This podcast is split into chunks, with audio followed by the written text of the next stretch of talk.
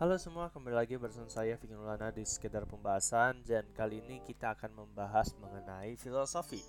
Apa sih itu filosofi? Ya, filosofi itu biasanya digunakan sebagai tata cara hidup kita atau sebagai patokan kita untuk menjalani hidup ini gitu.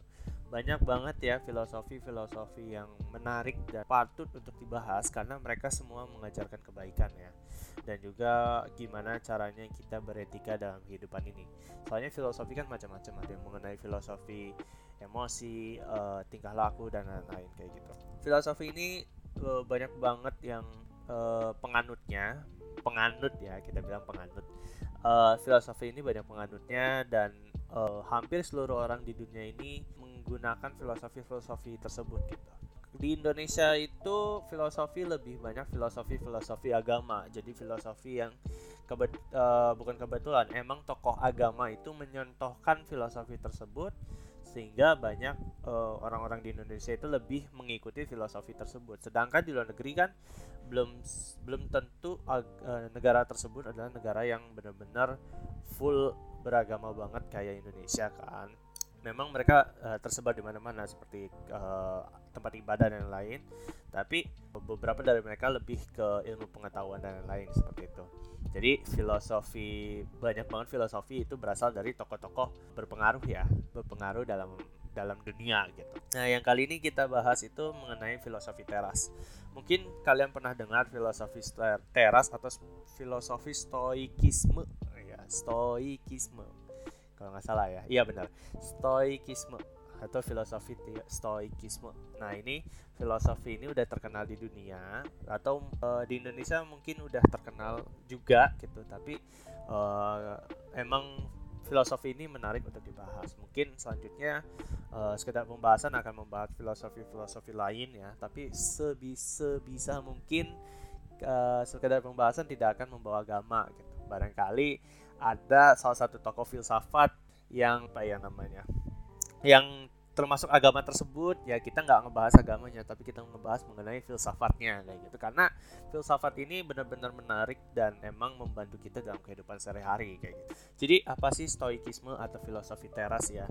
Stoikisme juga disebut dengan stoa gitu kan. Adalah nama sebuah aliran atau mazhab filsafat Yunani kuno yang didirikan di kota Athena, Yunani oleh Zeno dari Citium pada awal abad ketiga sebelum masehi ya. Tiga abad ketiga sebelum masehi. Jadi ajaran sekolah atau mazhab stoa ini sangat luas dan beragam.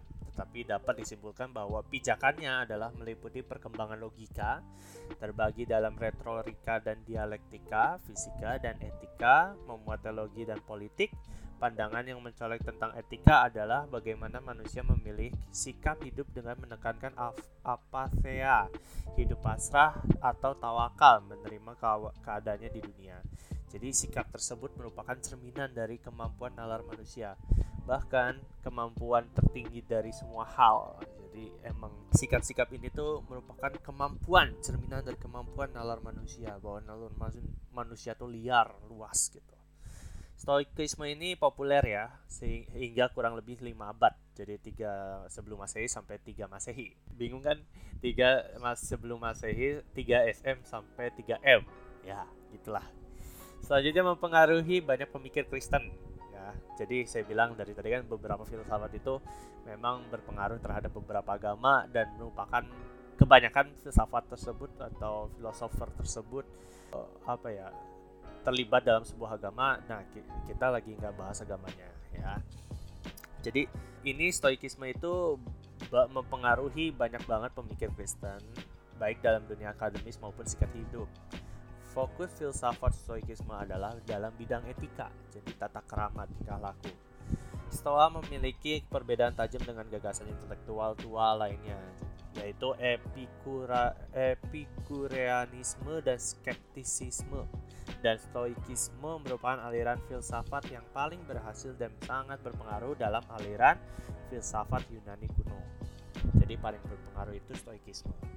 Karena relevansinya terhadap sikap manusia dan sistem pemerintahan saat itu. Jadi stoikisme itu sangat relevan saat sangat-sangat wah gua banget gitu. Stoikisme tuh gua banget lah di di zaman itu ya, di zaman Yunani kuno karena kebetulan sistem pemerintahnya cocok sesuai dengan filosofi tersebut.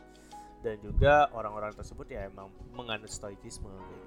ya ya mereka menganut karena ya gua banget gitu ibaratkanlah gitulah gampangnya. Stoikisme adalah cara hidup yang menekankan dimensi internal manusia. Seorang stoik dapat hidup bahagia ketika ia tidak terpengaruh oleh hal-hal di luar dirinya. Jadi di mata kaum stoa ya logos universal atau sang ilahi. Logos universal itu sang ilahi atau Tuhan adalah yang menata alam semesta ini dengan rasional. Negatif apa pun kejadian yang menimpa seorang stoa yang bijak akan melihat kejadian tersebut sebagai bagian dari tenunan indah ilahi atau logos. Jadi kejadian apa pun kejadian yang ada di bumi itu tuh semua udah takdir Tuhan. Gitulah sudah takdir Tuhan yang di atas, sudah direncanakan oleh Tuhan.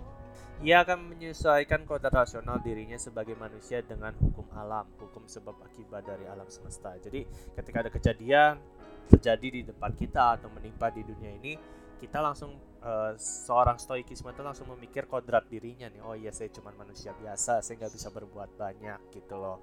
Nah ini stoikisme itu lebih ke pasrah gitu, ha, pasrah dan uh, ikhlas gitu loh jadi emosinya benar-benar pasrah gitu berserah diri pada Tuhan lah gampang kayak gitu terus uh, stoicism itu terdiri dari empat prinsip ya jadi yang pertama itu bahwa Tuhan dalam bentuk dan wujud apa pun itu akan selalu care uh, pada seluruh makhluk hidup. Jadi Tuhan itu sangat mencintai, sangat menyayangi semua makhluk hidup yang ada di bumi maupun di luar bumi misalkan ada makhluk hidup. Nah, jadi Tuhan tuh benar-benar menyayangi semua ciptaannya. Itu seorang stoicisme itu stoicisme dong stoicism itu uh, mempercayai bahwa Tuhan itu penyayang umatnya. Terus yang kedua hidup yang penuh dengan kebijaksanaan itu penting untuk kebahagiaan. Jadi kita harus jadi bijaksana untuk bahagia. Kalau orang-orang yang nggak bijaksana itu biasanya kurang bahagia. Soalnya uh, antara sifat-sifat alami manusia itu kan muncul dan kita harus bijaksana menghadapi sifat-sifat itu gitu. Terus yang ketiga itu bahwa alam semesta bekerja dalam harmoni dan kita harus hidup harmonis dengan alam. Tuhan mencintai semua makhluknya gitu. Tuhan mencintai semua makhluknya, prinsip pertama. Terus udah gitu hidup dengan bijaksana. Terus ketiga kita harus bekerja secara harmoni. Harmoninya ya kita harus menghormati juga gitu. Karena semua yang ada di dunia ini ya disayang Tuhan gitu. Kenapa kita nggak ikut sayang gitu? Kita nggak ikut menyayangi ciptaan Tuhan gitu. jadi kita harus hidup harmonis. Terus yang keempat itu bahwa semua hal yang terjadi itu pasti ada alasannya. Hal baik buruk pasti sudah diatur oleh suatu satu kekuatan yang lebih besar dari segala yang ada di alam semesta ini. Jadi semua hal yang terjadi itu uh, stoicism menganggap itu tuh sudah direncanakan dan sudah terjadi itu pasti ada alasannya maupun baik atau buruk itu pasti ada alasannya buat kita gitu. Itulah penganut stoicism itu sabar pasrah ya ikhlas pokoknya kalau ada ada apa-apa ikhlas sabar wajib udah udah aja udah diem aja udah dia nggak ngapa-ngapain karena menurut mereka itu mereka itu sabar gitu. Ya ibaratkan gini lah kita ke pasar gitu kita ke pasar atau ke mall gitu kan. Kita ke pasar atau ke mall nih. Terus tiba-tiba ada jambret gitu. Ada jambret yang nyolong HP kita gitu. Karena karena kitanya eh, nggak uh, waspada atau apa. Tiba-tiba nyambret nih HP kita gitu. Padahal kan ya di dalam mall itu di dalam pasar itu banyak banget uh, apa namanya orang ya banyak banget orang bukan hanya kita gitu yang megang HP bukan hanya kita yang bawa HP tapi kenapa kita yang malah diambil HP-nya gitu loh. Pasti kan ada sebuah alasan kayak teguran dari Tuhan atau apa segala macam. Nah stoicism uh, di apa ya di saat itu stoicism itu tidak marah stoicism itu penganut stoicism itu tidak marah. Tidak marah tidak apa ya tidak menyesal tidak tidak inilah tidak memikirkan terlalu banyak. Karena oh ya sudahlah paling jawabannya gitu. Oh ya sudah mungkin ini teguran dari Tuhan mungkin ini sudah waktunya HP saya kehilangan HP jadi stoicism itu langsung apa ya langsung uh, ber, berpasrah aja gitu langsung pasrah aja gitu gitu loh. Jadi em dia langsung pikir oh ya emang kebetulan Tuhan itu menginginkan apa teguran menegur saya gitu loh. Seperti itu kayak gitu. Terus uh, kayak contohnya ada lagi misalkan kita ke mana ya? Misalkan ada suatu alasan tiba-tiba kita dapat rezeki gitu. Nah uh, padahal dari banyaknya orang yang butuh uang itu kita yang dapat rezeki. Nah stoicism itu percaya bahwa semuanya sudah diatur. Jadi kita cuma bisa pasrah ikhlas kayak gitu. Terus kenapa sih orang bisa pasrah kayak itu jadi stoicism itu ya stoicism itu mereka menurunkan ekspektasi mereka terhadap sesuatu. Mereka menurunkan ekspektasi terhadap sesuatu yang mereka inginkan gitu. Misalkan saya pasti lulus nih.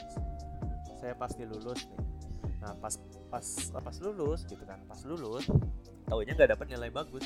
Nah itu tuh kita nggak nggak terlalu sedih gitu karena kita yang kita mikirnya ya udah yang penting lulus gitu. Nah itu tuh stoicism seperti itu gitu. Jadi uh, ekspektasi kita terhadap sesuatu itu diturunkan gitu direndahkan. Jadi kita berharap yang terburuknya gitu. Kita berharap terburuknya. Jadi kita melihat hal-hal buruk dulu untuk menanggulangi hal-hal buruk tersebut. Jadi misalkan kita uh, kuliah terus uh, nilai kita udah turun semua gitu. Nah ya udah kita nggak nggak nggak apa ya nggak stres nggak pusing gitu. Kita paling oh ya udah mungkin emang sayanya belum rajin belajar belum uh, maksimal kayak gitu. Jadi seperti itulah kayak gitu. Itulah uh, stoicism. Jadi mereka lebih meng, apa ya namanya stoicism itu lebih fokus ke empat prinsip itu. Mereka terus-terusan melihat hal-hal buruk terlebih dahulu agar mereka bisa menerima keadaan terburuk tersebut gitu. Jadi ya memang sih memang bagi beberapa orang keadaan buruk itu malah bikin kita down gitu bikin kita resah gitu kan gelisah gitu galau. Tapi dengan stoicism ini kita malah melihat pandangan yang lebih luas gitu. Ketika kita ngelihat hal-hal buruk terjadi kita sudah memikirkan hal-hal terburuk terjadi ya kita nanti pas hal terburuk itu terjadi ya kita terima gitu. Jadi kita nggak nggak ngapa-ngapain kita pasrah kita nggak akan marah kita akan gak nyesal kayak gitu. Jadi benar-benar kita mengharapkan yang kita pasrah gitu. Ngerti gak sih? Jadi udah udah udah ngarepin terburuknya ya udah kita pasrah. Kita terima apa yang ada di hadapan kita kayak gitu. Itulah stoicism.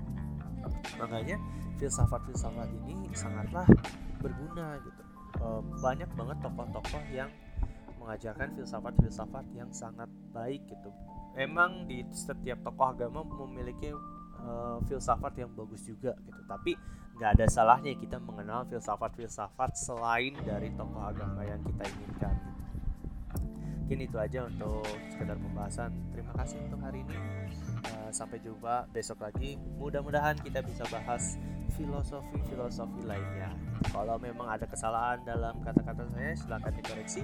Karena filosofi atau filsafat itu bukan hal-hal yang bisa kita terawang ya. Memang kita harus benar-benar pahami dan baru kita jelaskan. Oke sekian. Terima kasih. Sampai jumpa nanti